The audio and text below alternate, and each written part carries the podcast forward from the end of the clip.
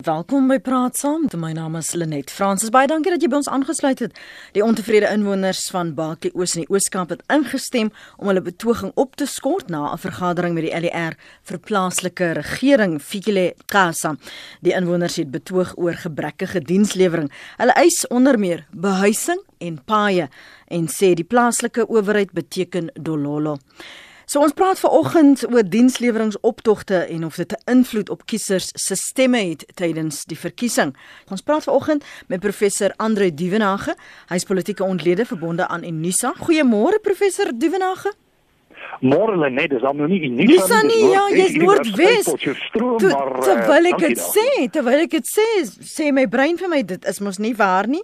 Jy dit is Jody se obsessie met Unisa, lyk dit my.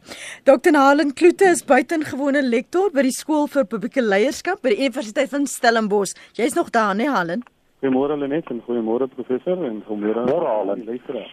Baie dankie vir julle tyd. Andre, ek weet jy doen al jare navorsing oor die impak van protesoptogte veral gepaardgaande met wat die probleme en die, die gebreke is by munisipaliteite. Sluit gou eers vir my die laaste 4 tot 5 jaar uit. Kom ons praat oor daardie navorsing destyds en um, tot op datum. Wat ja. is bereik? Wat is die strategie agter diensleweringsprotesoptogte? Hulle net ek dink dit kom uit die breë kultuur van die struggle waar jy met massa aksie moet organiseer en mobiliseer.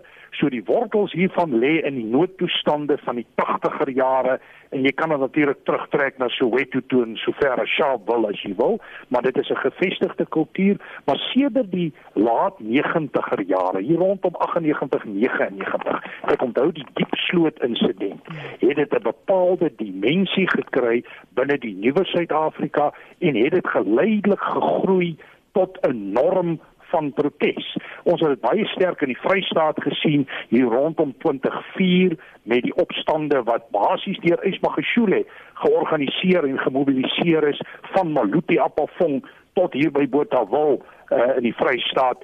Toe dit ook weier versprei in Gauteng in en in 'n paar ander plekke. En deesdae as jy kyk na die grafieke in die syfers dan is dit 'n eskalerende tendens. Dit het basies deel geword van 'n politieke kultuur en dit is 'n wyse waarop mense deelneem aan die politieke proses. Natuurlik is dit nie 'n konstruktiewe deelname nie. Daar's baie geweld, daar's uh, vernietiging hmm. van infrastruktuur dikwels en so aan, maar dit is 'n vorm van politieke deelname en ek is bereid om te sê dit sal nie maklik gestop word nie en politici gebruik en misbruik dit vir hulle eie politieke doeleindes. Hoe effektief is dit as 'n um, strategie, Dr. Kloete? Want ek dink weet julle net uh Ek ek dink daar daar is 'n baie groot ontevredenheid onder gewone Suid-Afrikaners. En ek was die ander dag by 'n werkswinkel. Toe sê uh, een van die deelnemers ons het gekyk na die deelnemende regering. Mm. Nou sê hulle niemand luister nie, maar sodra die rook, sodra hulle die rook sien van die tyres wat nou brand, dan reageer mense. So uh die wetgewing laat toe vir gesonde publieke deelname. Maar ons sien baie keer dat dit is nie genoeg nie. Die grootste probleem is dat gemeenskappe sê dat plaaslike leiers kommunikeer nie met hulle nie. Mm. So wanneer hulle uitgaan na die strate toe, is dit amper 'n laaste uitweg om die aandag te kry van hulle plaaslike verkose leiers. En uh, 'n paar jaar gelede het die departement 'n dokument uit uitgebring back to basics. En in daardie dokument praat ons praat hulle die analise wys daar is wat genoem word 'n social distance tussen mense wat uh, as gekies word as leiers en die gemeenskap. So daar is daai groeiende gaping tussen gemeenskappe en hulle verkose leiers. So wanneer mense dus na die strate toe gaan, is dit amper 'n laaste punt van desperaatheid. En ek wil nie dit afmaak as 'n uh, lig of wat mense word dit dit, dit gewoonlik gebruik vir eie politieke gewin nie. Daar is 'n groot mate van ontevredenheid onder Suid-Afrikaanse burgers, gewone mense oor die vlak van diens wat hulle kry van hulle plaaslike regering. Onthou, Ons het drie sfere van regering en plaaslike regering is een die naaste aan die mense. So wanneer hy alhoewel behuising nie noodwendig 'n bevoegdheid is van plaaslik nie om sy frustrasies uit te haal, moet hy in in die in die gemeenskap waar hy werk en woon sy stem laat hoor. So dit is vir my amper 'n laaste uitweg. So waar is daar die die kommunikasie? Waar faal dit op watter vlak want jy praat van gemeenskappe en hulle leiers en dat daar nie effektiewe kommunikasie is nie. Praat ons hier van ehm um, raadslede, praat ons van die wijkslede, praat ons verder op met die persoon wat vir my in die parlement verteenwoordig. Waar waar breek dit? Ek dink mense mense bloot weet nie wat gaan aan nie. Uh, ah. Ons het die institusionele en die wetlike raamwerk, ons het die wijkkomitee, ons het die wijkraadslid En tog sê mense nog steeds hulle weet nie wat gaan aan nie. Hulle weet nie die prioriteite nie. Ja, daar is publieke deelname prosesse. Maar baie keer word hierdie prosesse gemanipuleer deur plaaslike regering as ek sê dit in Engels as as compliance. Mm -hmm. Ons ons moet 'n klein mm. bietjie dieper om te gaan kyk wat is die wat is die werklike issues hier nie.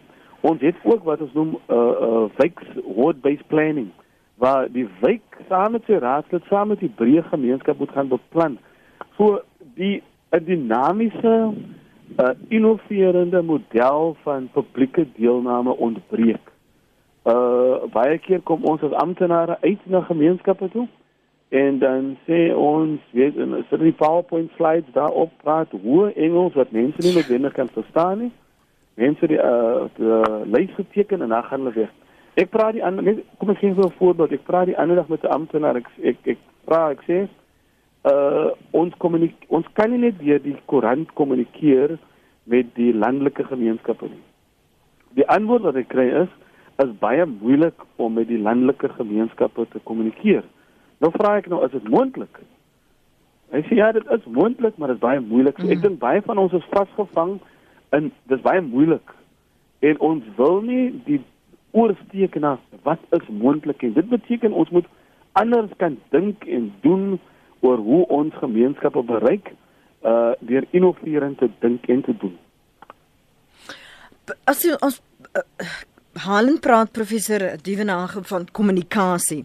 Wat is van die ander ehm um, faktore wat 'n impak het waarom daar hierdie verwydering is?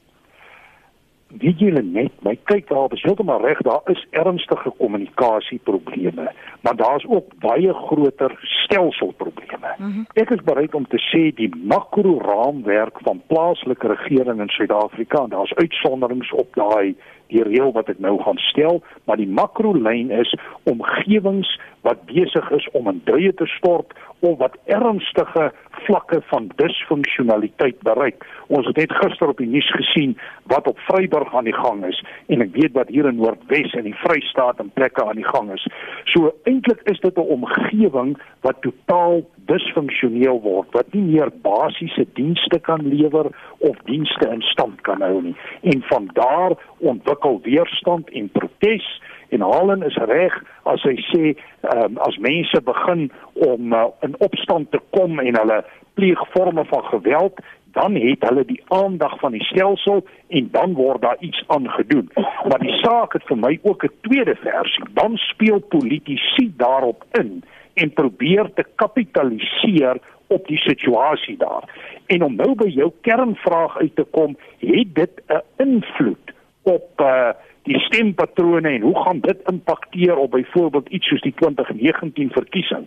Histories was die impak van diensleweringproteste op die steunbasis van die regerende party, dis nou die ANC, relatief beperk.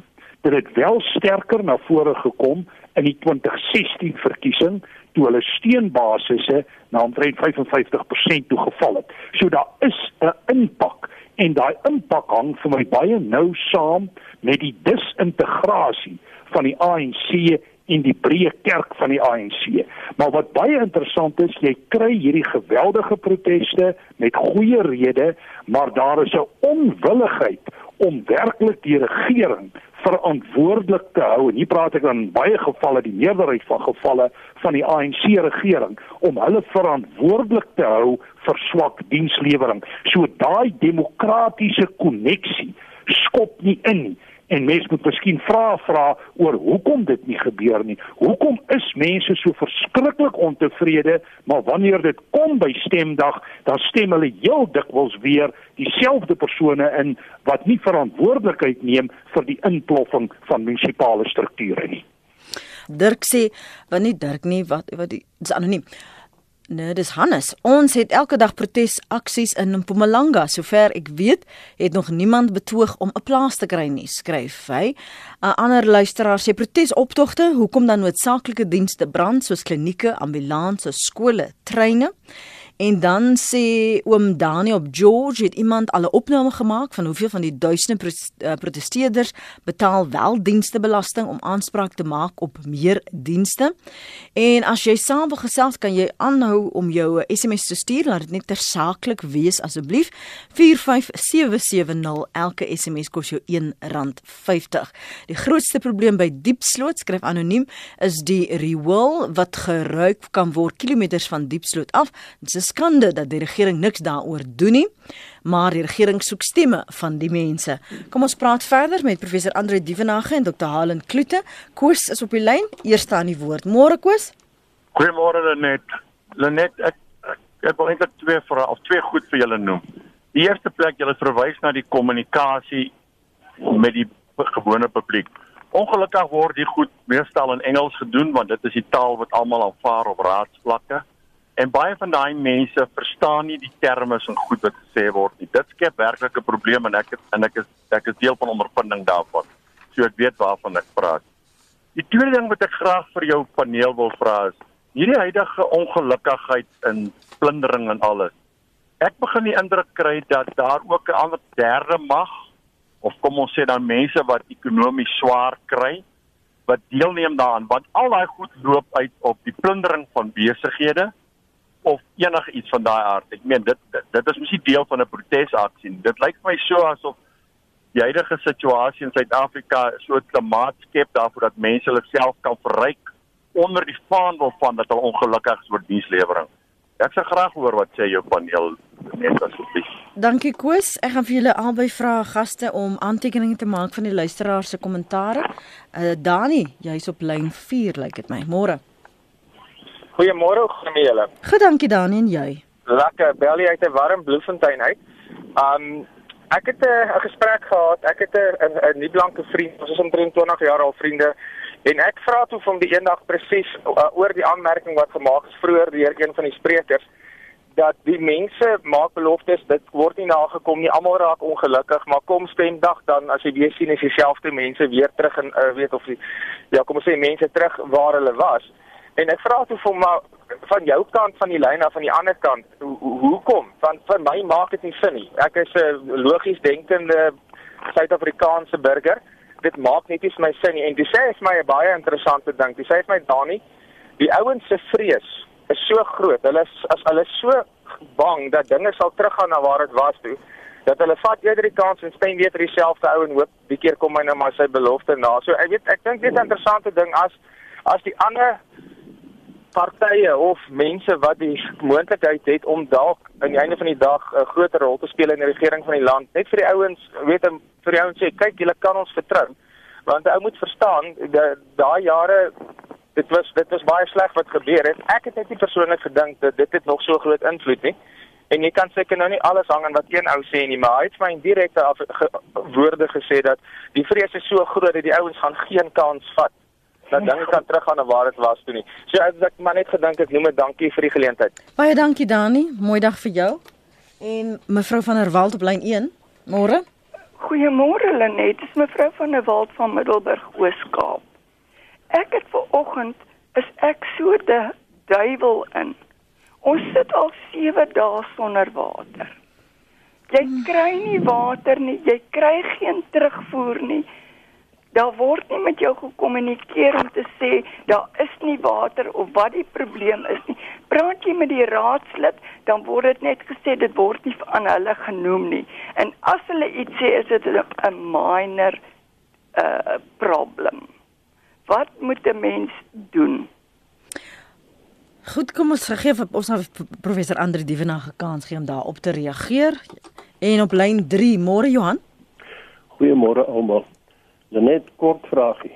Hoekom is ek dink die oplossing is dat die mense wat ek voorstem het, hulle moet bly in die gemeenskap wat vir hulle gekies is. Laat hulle vir elke dag in die oog kan kyk en sê kyk daar. Maar nou is dit duister mense eers wat ander mense besluit het hier oor Belfast gaan teen die ou nou regeer. Maar hy bly nie hier nie. Mm -hmm. En ek ek ek dink dit is 'n groot saak. Daai ek hoor baie keer dat ons uh uh ander kleurige mense wat nou hier in die uh ander uh, woongebiede woon dat hulle sê dat hy man hier bly ons het tog vir hom gestem hoekom moet hy nou op 'n ver ander plek bly Dankie groete. Goeie, mooi bly. Uh, Helen, miskien wil jy reageer veral ook hierdie aspek van vrees. Is, is dit het dit Merite wat daar nie aanraak? Uh ek dink mense so so dan sê mense mense stem en hulle bly lojaal aan aan 'n party die patroon hy hy spring nie maklik soos in die staat tussen die republikeine en die demokrate so hy sê hy hmm. hy sal liewer so dan wegbly van die stembus af om dit wendig vir 'n ander party te kan stem. Maar ek wil terugkom by wat mevrou gepraat het van die water. Dis net uit 'n swak bestuur. En ek bedoel daar's geen regverdiging vir swak bestuur ons het ons sit met 'n probleem op plaaslike regering. Een is die institusionele kapasiteit. Baie kere is daar uh, en en dit is die eerste plek van uh, ontplooiing van van kaders. Uh so ons sit met dit die institusionele kapasiteit en dan die armoede, die gebrek aan hulpbronne. En ons moet hierdie aanspreek. Hoe hoe maak ons die koek groter? Uh ek lees nou 'n baie fascinerende boek Rwanda Inc. Dit praat van president Gama mm -hmm. en wat hulle reg gekry het in Rwanda. En dit is twee goed. Die een sê die skrywer is uh, in Engels 'n commitment. En as die politieke wil ek dink uh, op plaaslike regering en die regering in sy breë ons wie lek die die politieke wil en die commitment om armoede aan te spreek. Jy weet ons het in 2010 stadiums gebou met groot fanfare en almal was agter hierdie projek 2010. I mean sien amper nie dieselfde ywer met die nasionale ontwikkelingsplan nie. En die nasionale ontwikkelingsplan skets 'n baie goeie prentjie oor hoe ons wil wees by 2030. Maar weet jy dis dis 12 jaar weg van nou, maar dit lyk in ons openbare diskurs praat ons nie eens van hierdie baie fantastiese plan wat terloops gedryf was deur die ehm uh, huidige president en en uh, Trevor Manuel. So so dat in ons daaglikse gesprekke hoor ek nie ons praat oor die nasionale ontwikkelingsplan en waarna ons op pad is nie en die tipe sosiale solidariteit wat daar wat daar moet wees tussen hulle wat het en hulle wat nie het nie. Hm. Professor Duvenage Ja, ek gaan sommer breed reageer daar was 'n klomp vrae en 'n mhm. klomp sake. Dit is so dat ons in 'n omgewing is in hierdie vervalomgewing waar 'n kultuur van geweld eskaleer en dat dikwels onder die vlag van protes word eie reg geneem, word geplunder, gestroop en so meer en ek moet sê die vlakke wat dit aanneem raak problematies. Ons het die laaste tyd ook gehoor van hoofroetes wat bedreig word mm -hmm. en so meer. So daar is 'n kultuur van geweld. Die tweede lyn wat vir my uitstaan in die vraag wat gevra is, die kwessie van beloftes en die hele argument van die teruggaan na apartheid. Dit is so dat die apartheidsvrees word polities gemobiliseer en mense wil nie teruggaan daarna toe nie en om daardie rede bly hulle verbind tot die bestaande elite maar ek dink die ding het ook al die punt bereik dat die gewone burgery begin krities staan teenoor die bestaande elite en ons sien nou baie politieke dinamikas op die vlak uitspeel. Vir my in essensie gaan dit maar daaroor laat ons demokrasie nog nie heeltemal gekonsolideer is nie en dat dit tyd gaan neem en proses gaan neem om daarby uit te kom. Mevrou van der Walt se se probleem uh, met 7 dae sonder water, ek dink dis 'n baie ernstige probleem en die vraag is natuurlik hoe hanteer 'n mens dit? En ek het baie keer ook hier in Noordwes gesprekke gevoer waar die mense sê jy kan uiteindelik niks maak nie. Ek sou sê die strategie wat jy maar kan volg is om steun te organiseer en te mobiliseer op 'n manier ook maar deel te word van 'n protesbeweging om belasting te weerhou waarvan toepassing binne die raamwerke van die wet om regsprosesse te aktiveer om te kyk of jy iets daarmee kan regkry. Natuurlik is die kern van die probleem hierdie hele ding wat ek maar noem netwerkpolitiek of kaderontplooiings. En as ons dit nie gaan stop en mense in posisies aanstel wat werklik 'n verskil kan maak nie, wat dienste kan lewer nie, dan gaan ons vir altyd gedoem wees tot mislukking. En ons het die hoop dat meneer Ramaphosa Pravin Gordhan en 'n paar ander begin in daardie rigting te beweeg om te kyk of mens kwaliteit mense in posisies kan aanstel om wel 'n verskil te maak. En mens kan maar net die hoop uitspreek dat dit een van die sake kan wees wat na die verkiesing van 2019 momentum kan kry. Professor, jy sê miskien is die beste opsie om deel te word van die protesbeweging om te mobiliseer. Maar is protes die enigste uitweg, die enigste kanaal om die aandag van jou politieke leiers af te dwing? Wel, as as iemand wat verbind is tot 'n demokratiese tradisie en lyn in 'n liberale sin, moet ek sê is dit nie 'n goeie uitkoms en 'n goeie uitweg nie. Maar hoe maak jy as jy alle prosesse probeer het en dit wil nie werk nie en uiteindelik kan jy net in 'n situasie sit waar alle dienste om jou in duie stort, dan beteken dit jy moet na ander maniere toe werk om antwoorde te kry. Natuurlik is 'n ander manier om jouself op 'n wyse kan ek nou maar sê te privatiseer, mm -hmm. deur jou eie watertank op te sit, deur jou eie pad reg te maak voor jou, jou eie skool te stig, jou uh, elektrisiteit op te wek op jou eie werf deur groen krag en so meer.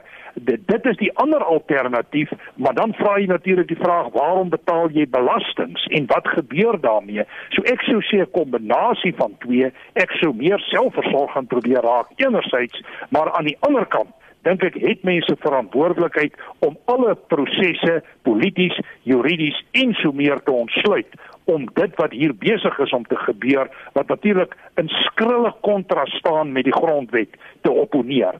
En ek dink dis ook nou 'n tyd waar die kiesers hulle stemme kan uitbring in die verband ons bou op na 'n 2019 verkiesing 'n baie belangrike en ook baie moeilike verkiesing vir die ANC so dit is nou die geleentheid om jou stem uit te bring en te stem daar waar dienste gelewer word. Net so ter interessantheid, ehm um, voordat ons by Dolf en mevrou Maree en Loukie kom, Halen, wat gebeur met daai griefskrifte?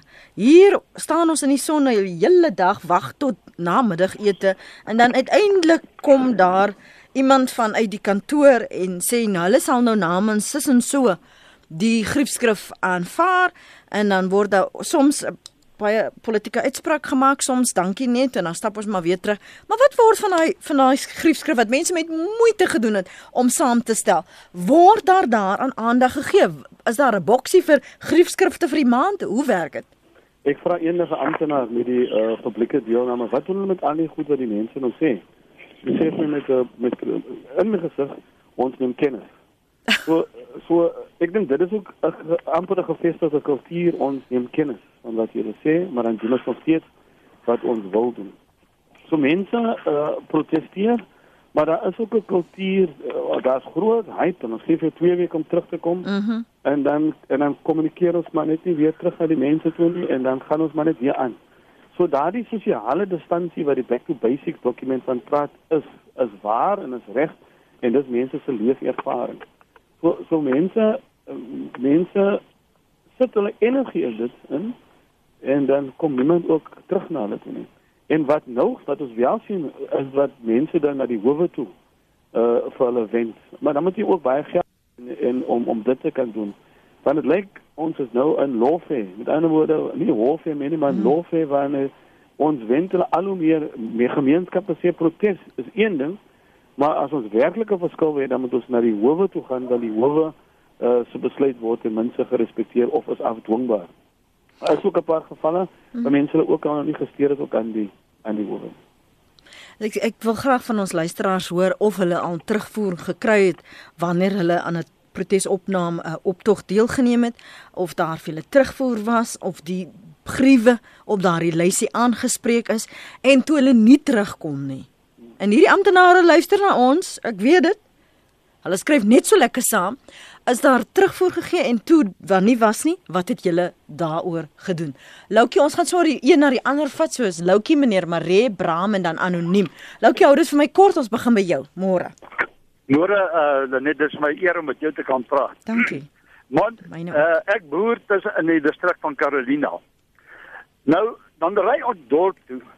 Jy ry deur slaggate. Die die uh, strate se uh, kante is gras nie hoogte. Dit die strate is vuil. Vroeger jare is die strate snags gewas en ek neem glad nie die mense kwaadlik wat gaan betoog nie. Goed en wel, hulle rig skade aan. Goed, dit is 'n stapie terug weer. Maar die ding is jy maak 'n afspraak met die uh, met die uh, stadsraad se uh, bestuur. Jy, jy kom 20 minute voor die tyd daaraan, dan het die man 5 minute opgestaan en hy's weg. Jy sien die man nooit weer nie. Nou vra ek nou vir jou. Ek ek is 'n boer nê. Hier staan ons op die punt van grondonteeneming sonder vergoeding. Hoe kry ek die punte bymekaar? Asseblief help my. Dankie Loukie, meneer Maree. Môre. Goeie- Goeiemôre Lenet, dankie dat ek kan deelneem aan die gesprek. Daar, dis meneer Maree van die Kaap. Dis reg Lenet.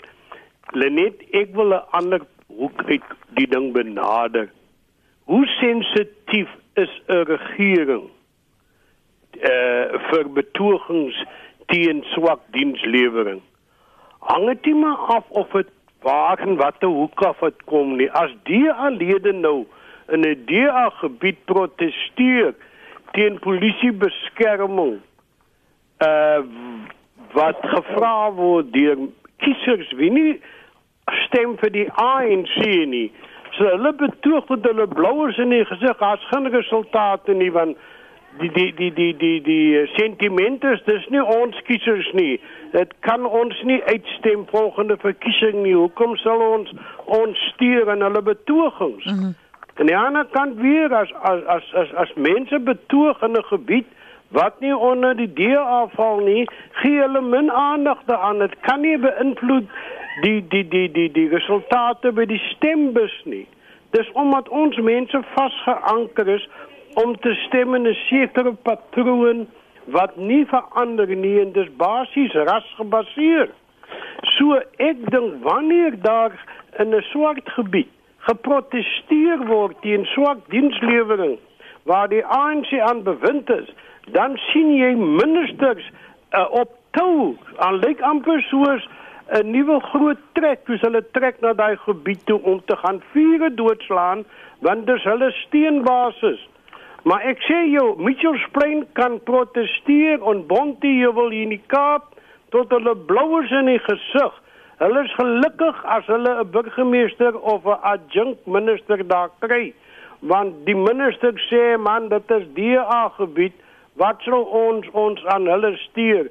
Die die tensy hulle vir ons stem en ons in beheer is, gaan ons niks doen aan die saak nie. So watter waarde het protesaksie as daar nie 'n kultuur is van sensitiwiteit teenoor die burgery nie? Goed dan. Dankie vir die oproep meneer Maree. Daarso in die Weskaap, Braam op lyn 3 môre. Ehm um, môre net. Ek wil maar net 'n uh, 'n uh, klip in die bos kry. Ek dink die jou samespel munisipaliteite lewer 'n baie groot probleem op want die meeste van die geld gaan in die groter dorpe in waar onder wie uh, dit sal in die kleiner dorpe se ekonomie bly agter met die gevolg is mm. dat jy kan nie vooruit gaan op jou kleiner dorp nie. Kom ek vat 'n voorbeeld. Mamasbury kry nou 'n sportsentrum van 22 miljoen rand terwyl Moriesberg al lankal nou gehoorskool moes gekry het om sy leerders te dek. Nou waar lê die uh, insette van groter van groter munisipaliteite by kleiner dorpe se behoeftes en ek dink uh, jou groter munisipaliteit soos Mamasbury byvoorbeeld, ek noem dit as 'n voorbeeld. Mm -hmm. Wat meer uh, wat meer kyk wat die behoeftes is op kleiner dorpe voordat hulle al die geld opvreet wat nou in hulle dorp ingaan, dan sal dit baie beter gaan met gemeenskappe ook. Sou jy nie die afbrandery van klinieke in goed kry nie, want ek dink jou groter munisipaliteite gee hopeloos min aandag. Hier is uh, want dit onder een afdeling val uh, aan jou kleiner dorp. En dis maar al wat ek wil sê. Baie baie ja. dankie vir daardie mening Bram. Ek gaan dit in jou middel laat haal en daardie punte van meneer Maree gaan ek aan ander gee as die politieke ontleder anoniem op lyn 4 môre. Môre net in jou uh, baie geleerde gaste. Ek het 'n woordeprobleem met wat ons mense hierdie goeters noem. Mm -hmm. Ons praat van protesoptrede, maar dis glad nie protesoptrede nie, dis afpersing, dis afdreiging, dis boelie taktiek. Die tweede woord wat ek 'n probleem het, sê ons uh, uh, dit is protes vir swak diens. Dis geen protes protes vir swak diens nie. Dis afpersing vir gratis diens. Die mense wil alles verniet hê. So weet jy, 'n hele rande elektrisiteit reeds opgebruik en hulle wil nog meer hê. Die derde woord wat ek wil oor iets sê is almal herhaal die woord van uh, arme mense. Arme mense uh, is glad nie die woord vir die mense nie. Dis die mees oorgewig mense in die hele Afrika. So goed, sê gou nou vir my, ekskuus. Arme mense genoem word. So ek vra dat ons moet die woorde verander. Ons moet sê dis boelies en afpersers wat gratis diens eis op 'n ongelooflike ongebreidelde opportunistiese manier hulle uh en dis bedorwe mense hou net so vas. gewoon geraak het. Hulle kry alles jy het op ingemaak nêrens in Afrika anoniem. anoniem anoniem anoniem. Gee my 'n kans. nou sê jy nou vir my mevrou van der Walt dat 7 dae sonder water sit en vanoggend ingebel het. Klink sy vir jou soos iemand wat nie wil haar dienste betaal nie wat alles vry gratis en maal wil hê? mevrou daai dame is nou die collateral damage wat hulle noem. In hierdie magspel vir die resources vir die bates is sy nou ongelukkig een van die wat vertrap word in die proses heen en weer. Dis 'n baie tragiese storie. Uh maar, maar sy is nie die een wat in die strate proteseer en die skole afbrand nie. Goed. Anoniem in Gauteng se mening. Kom ons volstaan eers gou by daardie menings vir ons 'n breek neem en dan Amanda en Andre, hou net vir my nog 'n rukkie aan asseblief. Uh, kom ons begin by Anoniem se punte Halen en dan ook wat Bram uh, beweer beweer sy redenasie is dat die kleiner dorpies word afgeskeep omdat daar samesmelting was en dan kry die groter munisipaliteite die voorkeur en uitbreiding. Hmm. Ek dink die uh, die logika vir samestelling was dat ons ons het amper oor die 800 munisipaliteite gehad so 18 jaar gelede en hulle het saamgekom om beter beter effektiewe dienslewering te kan lewer. So in uh, so klein dorpies, dit is reg so vir baie keer afgeskeep in die in die landelike gebiede. Maar daar is wat ons noem 'n geïntegreerde ontwikkelingsplan en daar is plaaslike regering veronderstel om vir 'n 5 jaar periode te prioritiseer saam met die gemeenskap wat hoe gaan hulle uh dan gelykhede begin kry. Want ons groot probleem is institusionele armoede. Ons het uh, uh generational poverty. So ek wil nie veel uh kommentaar lewer oor anoniem nie. Ek dink sy analise is is is baie kleinlik. Ek ek, ek ek wil nie graag daarop uh, antwoord nie. Uh, dit dit kan nie so eenvoudig wees om te sê uh, uh arme mense is oorgewig nie. Ek bedoel dit, dit ek gaan nie daarop reageer nie. Ek dink twee twee goed is baie belangrik. Een ons het nodige van burgerlike deelname of, of education in Engels hulle civic education waar mense weet wat is hulle regte en hulle verantwoordelikhede. En Suid-Afrikaners het die reg om aan te dring op goeie regering. Of dit nou pink of rooi of geel is, mense het die reg om goeie leierskap te kry. Alles begin en eindig by leierskap. So wanneer mense protesteer, protes aanteken, is dit eintlik 'n protes teen die teen die status quo. Wat sê ek is nie tevrede oor hoe julle my regeer en ons praat van deelnemende regering. Op plaaslike regering praat ons van die amptenare, die politici en die gemeenskap. Daai drie partye vorm saam uh wat gedefinieer word as 'n munisipaliteit. Maar wat hoor ek sien baie keer die politici en die amptenare weet wat gaan aan en dan is daar nog die ander dinamika. Die amptenare sê man ons is hier vir ewig. Die hele politici is maar net hier vir 5 jaar. So kom eh, en en en uh, hierdie twee is baie keer ook in konflik. So wanneer jy het amptenare en politici wat met mekaar beklei, uh dan het jy ook 'n resepie vir disaster. So ons het baie ver pad om te loop om 'n kultuur te skep van 'n uh, burgerlike deelname en waar hulle kan en waar mense is reg vir mense om aan te dring en mense moet aanhou aandring op goeie etiese leierskap wat hulle regeer. En dat gemeenskappe moet weet dat hy het gesê hmm. hy het 'n reg. Uh iemand het voorgepraat van uh die kommunikasie is net in Engels. Mense moet aandring dat hierdie kommunikasie in Afrikaans ook is. Of in watter of in Tswana of in Zulu Maar mense het 'n reg, mense moet weet hulle het 'n reg om te om gedien te word ook in die in die taal van hulle keuse binne in daardie streeksverband. Professor Dievenage? Ek kon ongelukkig nie baie goed hoor aan die ander kant nie. So ek gaan breedweg reageer op die kommentare wat ek wel kon hoor. Ek dink ons het ernstige probleme ten opsigte van dienslewering en dit is so dat uh, ons met 'n situasie sit dat diensleweringproteste soms legitiem is, maar baie keer ook misbruik word vir doeleindes wat uh, miskien nie altyd verband hou met die diensleweringprotes nie. En dit bring 'n mens by 'n punt en is 'n baie gevaarlike punt om te maak. Dit staan teenoor die grondwet, maar mens moet die vraag vra tot watter mate help demokratiese prosesse om beter dienslewering te verseker of is demokratiese uh, prosesse in die formulering daarvan in terme van diensleweringsprosesse bydraend tot beter dienslewering. En ek moet sê ek ervaar 'n element van konflik en ons sien dit dikwels in die uitspeel daarvan dat artikel 139A en B van die grondwet gebruik word om munisipaliteite onder administrasie te plaas wat eintlik sê jou politieke prosesse werk nie meer nie. En ek dink daar het ons 'n groot uitdaging. Maar ek dink belangrik en uh, 'n mens het 'n verbintenis tot demokrasie dat jy demokratiese prosesse so in werking stel dat dit moet bydra tot beter dienslewering. Op die oomblik ervaar ek 'n element van konflik op sekere vlakke en forme van politieke manipulasie mm. wat ek nie dink altyd in die belang van die breë publiek is nie. So, oor die kwessie van kleiner munisipaliteite, groter munisipaliteite, ons het die omgekeerde hier in Potchefstroom. Ons was polities geforseer om uh, Ventersdorp in te bring en mee te amalgameer. Op die oomblik is beide munisipaliteite bankrot en die dienslewering is uiters swak en in hierdie geval dink ek betaal Potchefstroom tans die prys vir ernstige probleme wat oor jare ontwikkel het by Ventersdorp. Dis bloot een voorbeeld.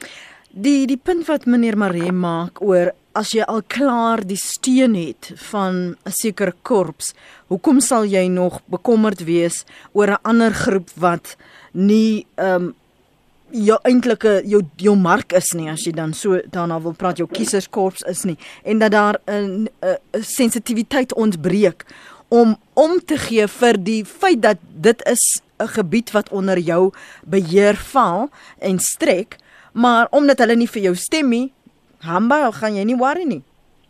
Ek dink dit wel, uh, as ek daarop kan reageer. Ja, gaan jy altyd uh, kans gee. Ek dink die veronderstelling van demokrasie is iets wat ons noem verantwoordelike en verantwoordbare regering. Dit beteken jy word ingestem in die posisie om te regeer, maar jy aanvaar verantwoordelikheid vir die totaliteit, nie net vir jou party en jou ondersteunerskorps of soos die Engelse sê constituency. Ongelukkig is meneer Maree reg in die sin dat die leierskap werk dikwels terug na slegs hulle eie ondersteuningsbasis en sluit die res daarvan uit. En dit is 'n ernstige probleem wat ons het in die breë Suid-Afrikaanse politiek en dis vir my 'n indikasie dat ons nog baie groei het om uit te kom by dit wat ons kan beskryf as 'n volwaardige en gekonsolideerde demokrasie. Dit bevorder natuurlik faksionalisme, dit hmm. bevorder konflikte en natuurlik kry jy dit ook binne die regerende party besig is om uit te speel. Net omtrent 'n paar dae gelede het ons hier in Matlosana 'n situasie gehad waar daar 'n konflik was oor die burgemeester en ANC-lede het saam met oppositiepartye gestem om van die burgemeester ontslae te raak. So jy kry 'n gebrek aan dissipline, jy kry 'n gebrek aan demokratiese verantwoordbaarheid en al hierdie goed dra by tot 'n omgewing van onstabiliteit wat nie bevorderlik is vir goeie dienslewering nie. Allen Ek dink dit is so eenvoudig om te sê, uh dis my mense en daai mense. As jy in 'n gebied woon, dan daar mense wat vir jou gestem het of nie gestem het nie. Ek dink die politieke volwassenheid kom wanneer ek ingestem word en sê almal hierdie mense, ek het 'n verantwoordelikheid in die konstitusie sê ek het 'n verantwoordelikheid, daar's 'n handves van menseregte en ek moet ek moet al die mense dien. As dit so was, ek bedoel ek het gelees die afgelope so 3, 4 weke gelede het hulle die anti-gang unit uh, in die in die Hanover Park, Hanover uh, Park. Ja. Mm. So so mense kan argumenteer dat dit miskien politiek, maar die regering het 'n verantwoordelikheid om vir al die mense te dien. En dis die tipe volwassenheid wat wat 'n mens wil sien. Professor Andre uh, is reg. Daar daar is ook gevalle waar uh, ANC tot ANC nie gelukkig is met mekaar en dan stem in die oppositie. So Suid-Afrikaners dink ek het oor die laaste 10 jaar kom besef wat is goeie uh, uh, leiers en wat is nie goeie leiers nie. Suid-Afrikaners oor die politieke speelveld hou nie van korrupsie nie. Want as jy korrup is, dan steel jy van die arme mense. So daar is konsensus dink ek onder mense oor die tipe verantwoordelike en verantwoordbare leiers wat ons wat wat mense wil hê. Mense wil hê hulle raadslid moet met hulle kom kommunikeer. Mense wil hê dat hulle dat hulle raadslid is diensbaar en nie op 'n power of op 'n ego uh, trip nie. Mense verwag van sy regering om te dien, om nie gedien te wil word nie, maar om te dien. So so daar is konsensus dink ek en die, en ons en die Suid-Afrikaners verwag 'n volwassenheid of ek nou vir president Ramaphosa gestem het of vir president Zuma, dit bly met president.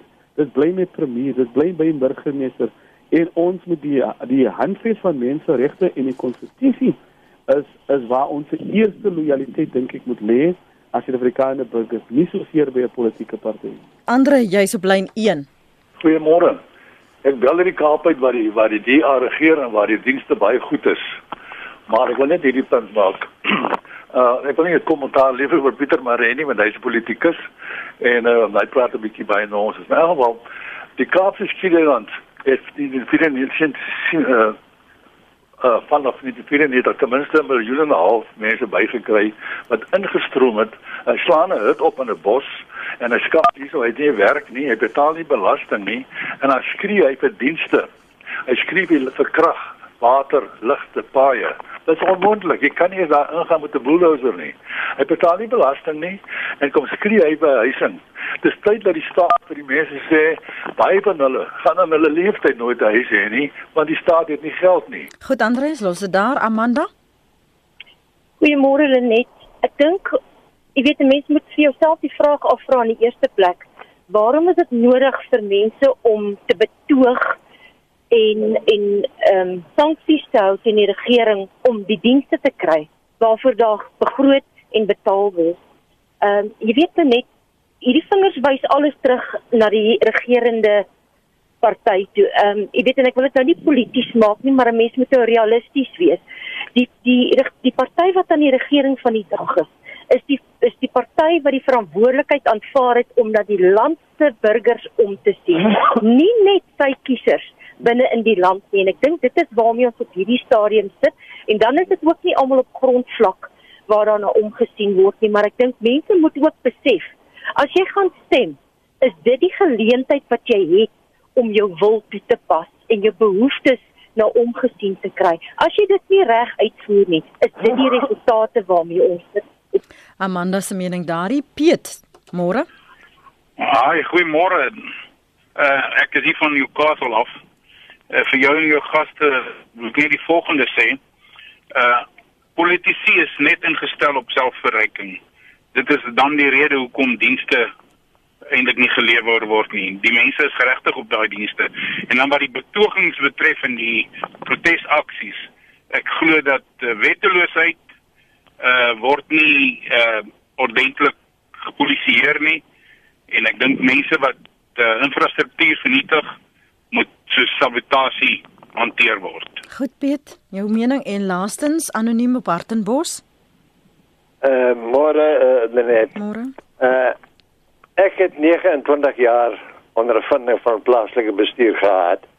Daar's net twee pilare waarop 'n suksesvolle munisipaliteit bedryf kan word.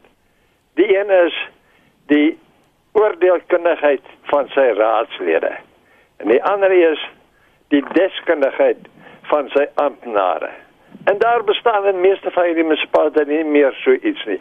Dink vir jouself, wie's die mense wat op die rade sit? Bydien die rade is verdubbel uh sedert 94. Al daardie uitgawes, hierdie raadslede, meeste van hulle vir hulle is dit die enigste bron van inkomste. Dis mense wat as gevolg van transformasie in daai posisie gekom het. Die mense wat vir hulle gestem het, stem nie volgens hulle eie oortuiging nie. Hulle stem vir wie vir, wat hulle voorgesê word. Hulle stem nie volgens hulle eie oortuiging nie. As dit kom by die deskundigheid van die amptenare, die mense ook as gevolg van transformasie is almal vervang. Daai manne doen almal ander werk. Jy sit nou daar met mense wat nie weet wat hulle doen nie. Jy sit met die klein munisipaliteite waar 'n munisipale bestuurder op 'n platlandse dorpie 'n miljoen rand per jaar verdien. Mens, wat doen hy? Hy doen niks. Goed, dis waar ons dit laat hoe meer daar hoe meer menings vanoggend veral professor Andre Dievenage, Dr Helen Kloete sluit van my af veral omdat dit hierdie praatjies, hierdie beloftes, uh, hierdie strategieë weer geïmplementeer gaan word, weer uh uitgegooi gaan word soos jy 'n vis probeer inkatrol en dit net vir 'n stem. Dr. Helen Kloete, wat moet kiesers in gedagte hou vir al die wat 'n munisipaliteit of 'n woonbuurt is waar daar niks gaan nie. Hamba, daar kom niemand by hulle uit nie. Wat moet hulle in gedagte hou? Ek dink hulle net baie dankie. Ek dink ons moet aanhou ons moet aanhou praat oor hierdie aspekte. Ons ons is 'n 'n groeiende demokrasie. Ek dink wat die luisteraars moet onthou, ons is maar net so plus minus 24 23 jaar oud. So ons is 'n groeiende demokrasie. Ehm uh, waar ons in die verlede protes aangeteken het en en en dit het baie gewelddadig seker was, het ons nou 'n nuwe diskurs. So ons moet aanhou aandring op goeie regering. Op goeie leiers mense, ek dink die mense stem net vir vir wie hulle wil hê. Mense het hulle oortuigings, mense het hulle politieke voorkeure, maar ons moet aanhou aandring op goeie leiers, etiese leiers.